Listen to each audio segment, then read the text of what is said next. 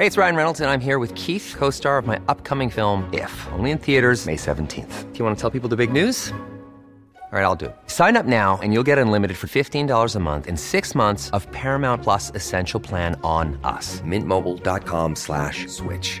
Upfront payment of $45 equivalent to $15 per month. Unlimited over 40 gigabytes per month. Face lower speeds. Videos at 480p. Active Mint customers by 531.24 get six months of Paramount Plus Essential Plan. Auto renews after six months. Offer ends May 31st, 2024. Separate Paramount Plus registration required. Terms and conditions apply if rated PG. When you're ready to pop the question, the last thing you want to do is second guess the ring.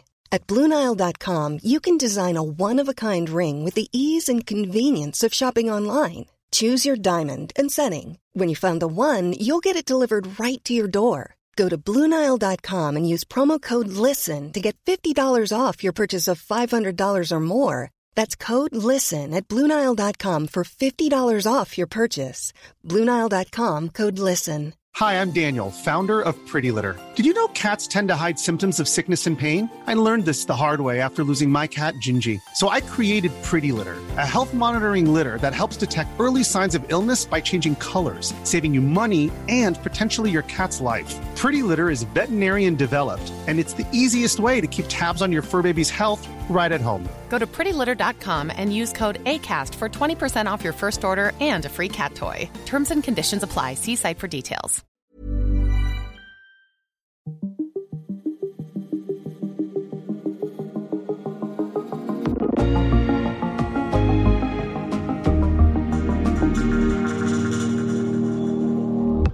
Tirsdag, en god måned efter den nye regering trådte til, går Mette Frederiksen på Folketingets talerstol for at udlægge rigets tilstand.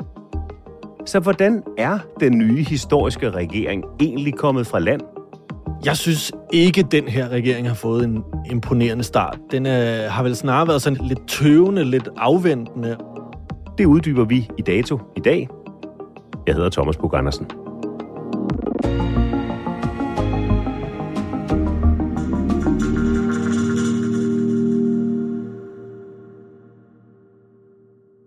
Der har været lidt snak her den seneste tid om, øh, at det er de samme politiske kommentatorer, der dukker op igen og igen i danske medier. Ja, Hans Redder, velkommen til dig. Og så kan jeg sige uh, velkommen til politisk redaktør Hans Redder. Hans Redder, vores politiske redaktør, er med os. Er du for meget på? Jeg er meget på i hvert fald. Det synes jeg er godt. Jeg synes heller ikke, jeg er for meget på. Det må der jo være nogle chefer, der tager en beslutning om, eller nogle redaktører, hvis ikke de synes, jeg skal være så meget på. Men jeg synes da egentlig, det har været rimelig stille og roligt her ved årets øh, begyndelse. Jeg synes, der har været klart mindre fart på, end der var øh, sidste år. Så det kan godt være, jeg er meget på, men jeg er mindre på, end jeg var, øh, end jeg var sidste det år. må man sige. 2022 bare et Ja, det travlt år det politisk. Bliver 23 øh, et lige så travlt år? Nej, det tror jeg ikke, det gør. Der bliver masser at snakke om, og der bliver masser af politik at snakke om, men mit indtryk er, at det her er en regering, der også, det siger de også selv, vil prøve at tage tempoet lidt ud af dansk politik. Altså, der kommer til at være lidt længere mellem udspillende og forhandlingsforløbende. og så kan der selvfølgelig ske alt muligt uventet, der kommer ud fra en pandemi eller en krig, eller hvad ved jeg. Men jeg tror egentlig, planen er, også fra regeringens side, at det skal være et lidt mere stille år. Det kan de måske lidt bedre tillade sig, fordi det er en flertalsregering, som jo er noget af det nye. Men der er mange nye ting, og lad os tale om det. Nu er regeringen en god måneds tid. Gammel tirsdag går statsministeren på Folketingets øh, talerstol for ligesom at sige, nu trækker vi for alvor i arbejdstøj. Men de har jo altså siddet der en, en måneds tid. Hvordan synes du, de er kommet fra start? Jeg synes ikke, den her regering har fået en imponerende start. Den øh, har vel snarere været sådan lidt, lidt tøvende, lidt afventende, og en regering, hvor særligt en debat har fyldt her i den første måned, nemlig øh, debatten om Stor Bededag, og har også lidt fået lov til at fylde, fordi regeringen ikke har forsøgt at sætte andre dagsordner. Jeg tror også, der har været sådan noget rent praktisk i, at øh, nogle af, af topfolkene simpelthen har haft behov for lige at holde noget ferie og puste ud. Men de har ikke øh, rigtigt aktivt, synes jeg, regeringen gjort noget for at tale om noget andet end Stor Bededag. Derfor er den sag kommet til at fylde så meget, og det er ikke godt for regeringen. Den er under pres, og det er ikke et, et populært forslag blandt andre partier på Christiansborg, blandt fagbevægelsen, nok heller ikke blandt danskerne, som de er flest. Men det er ligesom regeringens egen skyld, vil jeg sige, at den har fået lov til at fylde så meget af den sag. Hvordan i din tolkning kan det være, at de har lavet den sag løbe ud i hænderne på dem? Jeg tror måske, de har undervurderet lidt, hvor voldsom kritikken blev. Det er jo et meget sådan konkret forslag. Der er meget i det regeringsgrundlag, det har vi også selv siddet og snakket om i en tidligere øh, podcast, Thomas. Der er meget i det her regeringsgrundlag, som jo ligger langt ude i fremtiden, som er nogle løse tanker om nogle store reformer af det danske samfund. Stor bededag er jo en af de meget konkrete elementer i det her regeringsgrundlag. Alle kan forholde sig til, de kommer til at miste en helligdag, og derfor kommer den diskussion til nemt at fylde meget, hvis ikke man gør noget for at få noget andet til at fylde. Og det har regeringen ikke rigtig gjort her i starten, og derfor har det været sådan det alt overskyggende tema. Men nu går de for alvor i gang i den her uge. Øh, der kommer masser af politik i løbet af få dage nu her. Et øh, finanslovsforslag. Der er jo faktisk ikke lavet en finanslov for 2023. Man har bare forlænget sidste finanslov med brædder og opererer med det, der hedder en midlertidig bevillingslov i øjeblikket. Så der kommer en finanslov, der kommer en inflationspakke, der kommer en akutpakke for sygehusene, der kommer nogle forsvarsforlisforhandlinger, som også bliver store lige om lidt, så der bliver masser at snakke om lige om lidt. Men fordi regeringen ikke rigtig er gået i gang med noget af det endnu, så har Stor Bededag fyldt det hele. Efter lange forhandlinger på Marienborg og i statsministeriet, endte det med den historiske SVM-regering. Vi er, som I ved, tre meget forskellige politiske partier, som nu indgår i et arbejdsfællesskab med det klare mål at tage ansvar. Mette Frederiksen, Jakob Ellemann Jensen og Lars Løkke Rasmussen fandt frem til et fælles regeringsgrundlag og fik uddelt posterne i regeringen. Mette Frederiksen blev statsminister, Lars Løkke Rasmussen han satte sig på udenrigsministerposten, og Jakob Ellemann Jensen han blev visestatsminister og forsvarsminister. Altså, vi havde jo så fornemt det lidt på vandrørene og de forlydende, der var de seneste døgn op til regeringsdannelsen, men jeg må alligevel sige, at jeg er overrasket over, at han tager netop den post. Hvem af de tre partiledere synes du er kommet bedst fra start?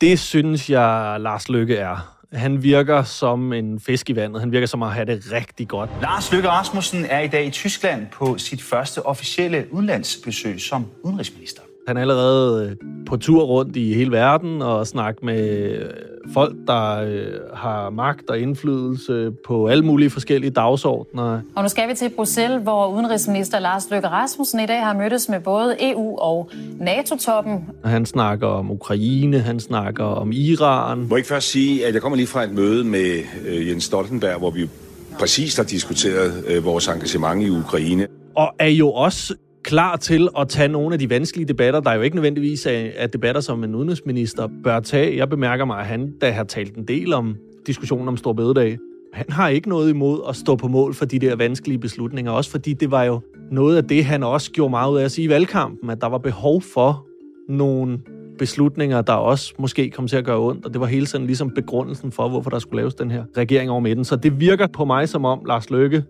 er kommet rigtig godt fra start. Han har det rigtig godt i det, han laver nu. Og han er ikke presset af sit bagland. Han er ikke presset af vigende meningsmålinger. Han, øh, han, han har heller ikke det store bagland. Han har heller ikke det store bagland, og det er jo en af pointerne i, at øh, noget af det, han har sluppet for, ved ikke længere at være formand for et stort parti som Venstre, er, at han ikke har et bagland, der hele tiden skal presse ham. Han skal ikke tilbage og søge mandat til at træffe alle mulige beslutninger. Det er ham, der er moderaterne. Han styrer sådan set selv, hvilken vej han, han skal gå i, og det virker som om, han nyder det.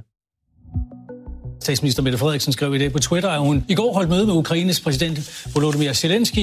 Mette Frederiksen skriver og talte i går med Zelensky om situationen på jorden i Ukraine, og jeg bekræftede fortsat stærk dansk støtte til Ukraines frihedskamp, både økonomisk, militært og humanitært. Så er der Mette Frederiksen. Hun har haft en øh, samtale med Zelensky ret tidligt. Det har vi hørt øh, lidt om. Så har der været debatten omkring øh, Stor Bededag og Helligdag, hvor hun har været, som sagt, i klins med sin egen, og er i klins med sin egen vælgerbase. Er hun i virkeligheden lidt blevet outshined af Lars Løkke Rasmussen her den første månedstid? Hun holdt jo nytårstalen øh, 1. Januar, og siden da har vi egentlig ikke hørt så meget fra hende. Jeg synes, at hun jo hun står jo stærkt. Socialdemokratiet står stærkt. De har sat sig på de største, de tungeste ministerposter. Det er det suverænt største parti, men jeg synes også allerede nu, man kan se konturerne af en Mette Frederiksen, som kommer til at blive udfordret i den her valgperiode en fagbevægelse, som hun i virkeligheden for første gang i sin tid som formand for Socialdemokraterne nu for alvor op og toppes med i forbindelse med afskaffelsen af en, af en helligdag. Der er nogle overenskomstforhandlinger, der er ved at gå i gang, og som potentielt jo kan ende med, at regeringen skal gribe ind. Det tror jeg også kan skabe en masse gnidninger. Der er nogle folk i hendes bagland, i hendes folketingsgruppe, som så småt begynder at pipe lidt og røre lidt på sig. Hun har skulle skille sig af med rigtig mange socialdemokratiske ministre, fordi der skulle være plads til venstre og moderater. Ministre, de er tilbage i folketingsgruppen. Jeg kan også se en række sådan punkter i regeringsgrundlaget, som de ikke rigtig er nået til at skulle gennemføre endnu, men som godt kan komme til at skabe noget uro og noget drama hos Socialdemokratiet og mellem dem og deres vælgere også. De skal forringe tilbagetrækningen for øh, nedslidte. De afskaffer jo den her seniorpensionsordning, blandt andet lægger de op til. Der skal gennemføres nogle topskattelettelser. Så selvom Mette Frederiksen står stærkt stadigvæk, og det vil ikke være seriøst at sige, at hun var dybt presset i øjeblikket, så synes jeg alligevel, man ser nogle tegn på, at det ikke bliver nemt for hende at få forklaret det her projekt på sigt over for sine egne vælgere, sit eget parti, sit eget bagland. Så det bliver en sværere valgperiode for hende at skulle forklare og begrunde, end den forrige valgperiode var, hvor hun jo kunne gøre, hvad det passede hende. Med de sager, der har været, og det, der er sket den seneste måneds tid, hvad ved vi så hvad ved I, der bevæger jer rundt på Christiansborg, om samarbejdsklimaet? Hvordan klarer de tre partiledere det? Hvordan har de tre partiledere det med hinanden, og hvordan er øh, magtbalancerne imellem dem? Det virker som om, at de forløbigt har det godt med hinanden. Det virker som om, og det var jo også læreren af de der seks uger, de sad og forhandlede op på Marienborg, at de har opbygget en tillid til hinanden. Det kræver selvfølgelig en fortrolighed og en tillid. Det rum, der blev skabt på Marienborg, det var meget intenst og positivt. Den fortrolighed, den tillid, som er blevet bygget op i løbet af den her periode, det er godt. Det er godt for os. Det er godt for Danmark. De stoler så meget på hinanden, at de i hvert fald ikke har travlt med at på Christiansborgs gange gå og, og tale dårligt om hinanden og forsøge sådan ligesom at hæve sig på andres bekostning. Men det er også bare meget tidligt i den her valgperiode endnu. Og jeg kan næsten ikke forestille mig andet, end at på et tidspunkt, så bliver der jo nogle styrkeprøver og nogle magtforhold, som ligesom skal kæmpes på plads, også internt i regeringen. Og vi har jo allerede nu set nogle tendenser til i meningsmålingerne, at regeringen som helhed jo går tilbage. Nyslået SVM-regering ville ikke få opbakning til at fortsætte, hvis der var valg i dag. Det viser en ny megafonmåling, som TV2 og Dagbladet Politikken har fået lavet.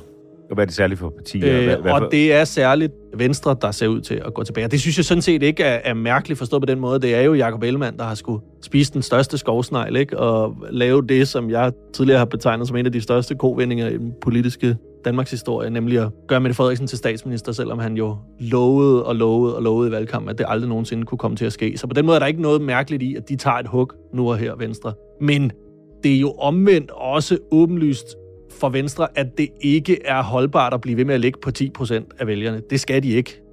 Og hvis Venstre ligger dernede om et år, så skal de jo begynde at gøre sådan nogle tanker om, at der skal ske noget andet, eller de skal gøre noget andet. Og det er den slags mekanikker, der meget hurtigt kan blive til uro i en regering, og så i en sådan situation kunne Venstre så gå op i det der regeringsledelsesudvalg og sige, prøv at høre, vi er simpelthen, vi får presset nu, vi bliver nødt til at have en sejr, og kan de så få den, og kan de få nogle indrømmelser på noget andet, og får man travlt med ligesom at skyde skylden på hinanden internt i regeringen, så kan det selvfølgelig blive giftigt. Jeg synes ikke, vi har set tendenserne til det endnu, fordi regeringen ikke for alvor er kommet i gang.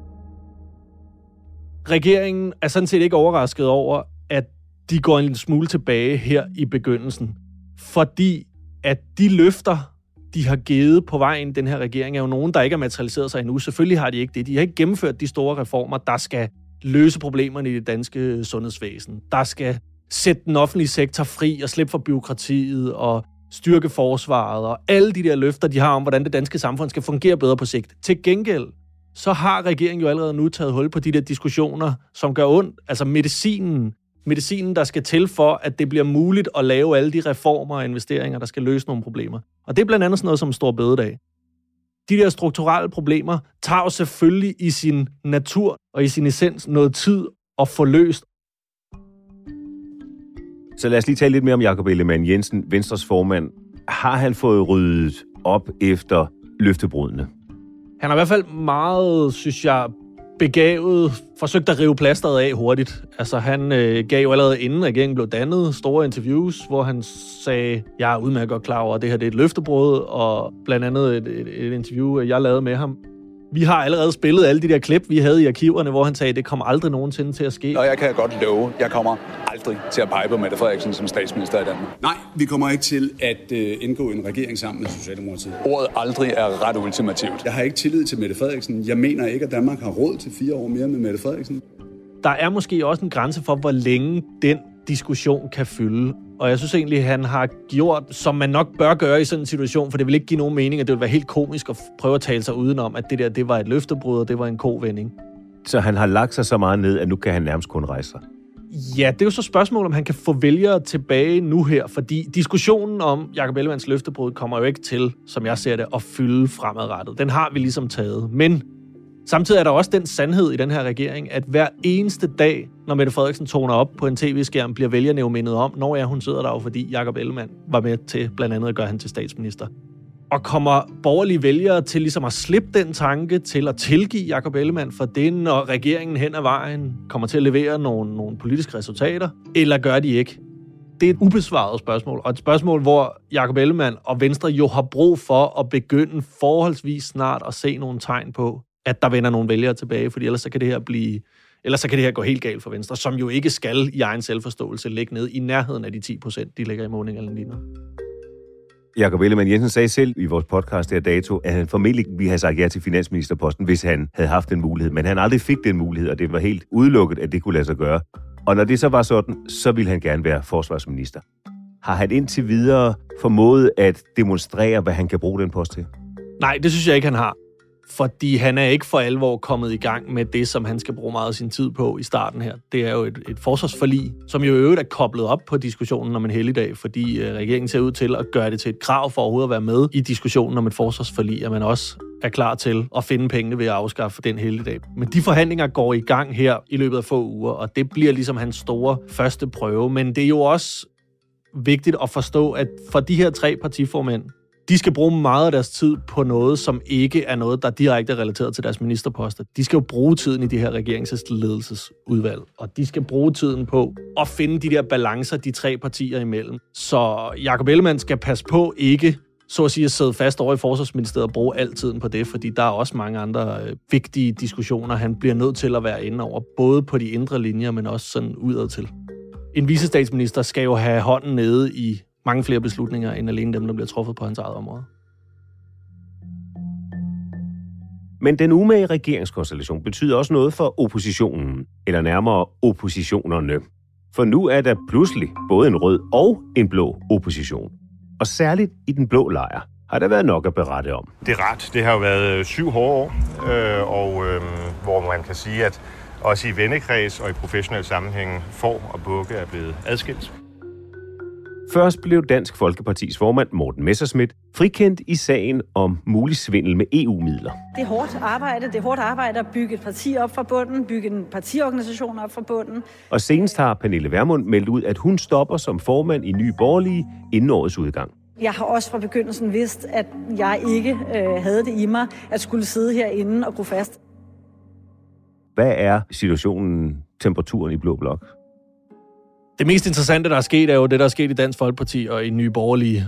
Og den kamp på højrefløjen, som ser ud til at komme i den her valgperiode, som bliver ret spændende at følge, fordi man jo i virkeligheden kan argumentere for, at der nok er for mange højrefløjspartier, og der er næppe plads til dem alle sammen på sigt.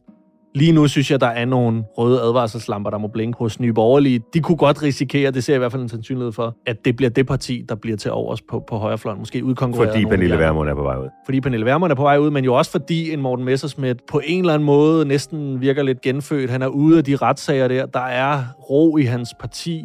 Han er med i en masse forlig, som betyder, at regeringen bliver nødt til at invitere ham til en masse forhandlinger, fordi de ikke kan lave tingene om uden ham i den her valgperiode fordi Dansk Folkeparti i løbet af mange, mange år har bundet sig ind i en masse forlig, og det kommer ham ligesom til gavn nu. Hvad er udsigten til, at de kan finde fælles fodslag der? Det er spændende at følge, hvordan kommer den her flertalsregering til at agere? Kommer de til et parti som Konservative, et parti som Danmarksdemokraterne, et parti som SF, til at få noget indflydelse?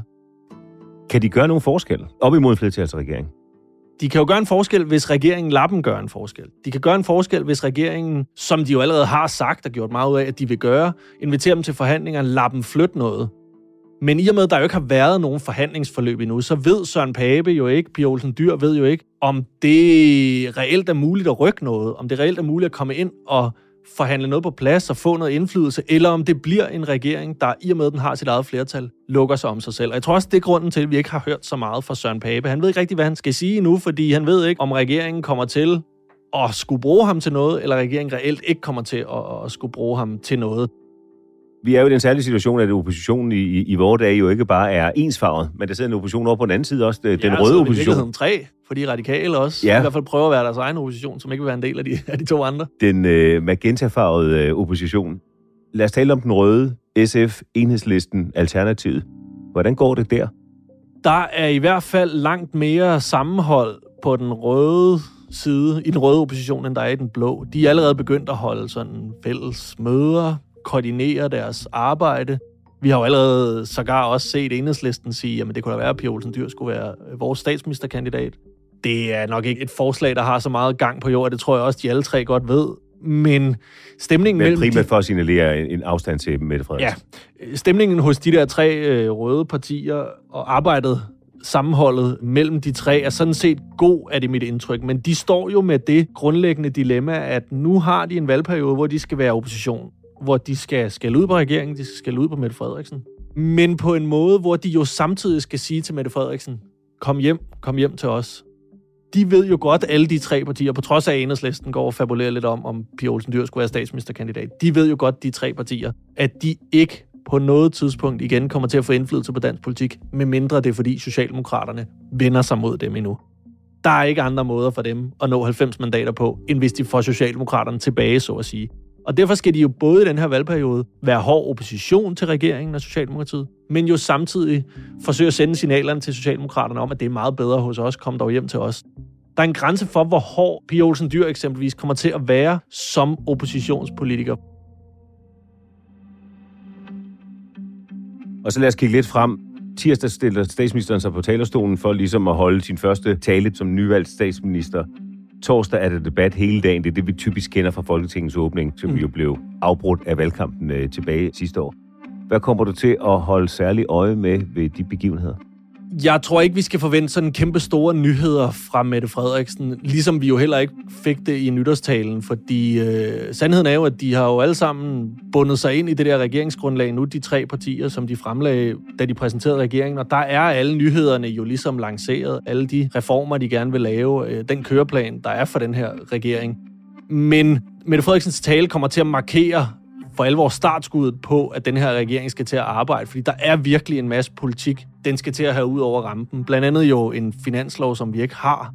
Så man skal til at lave en ny finanslov, man skal til at lave en inflationshjælpepakke, som man også har lovet i regeringsgrundlaget, en akutplan for sundhedsvæsenet, forsvarsforlig, alle de ting kommer til at gå i gang i løbet af de kommende uger, og så håber regeringen nok, at debatten om Stor Bededag så til gengæld kan aftale lidt, fordi der er en masse andet politik, der begynder at fylde. Og så bliver den her regering jo for første gang trygtestet på, om den kan få samarbejdet til at fungere. Det er jo nemt nok, når man ikke siger så meget, og fremstå nogenlunde enige, og det er jo det, de, er, de har Og det gjort de første uger, og det er juleferie, og danskerne var måske også lidt trætte af politik, mig selv inklusiv, og prøvede at...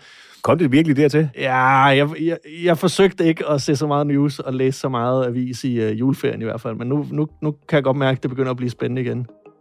Så har du allerede spændt den øh, politiske dramafjeder op til 2023. Tak fordi du kom, Hans. Selv tak. Bare lige så det er sagt. Der er efterhånden masser af tidligere episoder af Dato, der hvor du fandt denne her. Den politiske temperaturmåling var tilrettelagt af Emil Laversen, Ida Skærk og Pauli Galsgaard gjorde det til en fornøjelse at lytte til. Redaktør Astrid Louise Jensen. Mit navn er Thomas Bug Andersen. På genhør.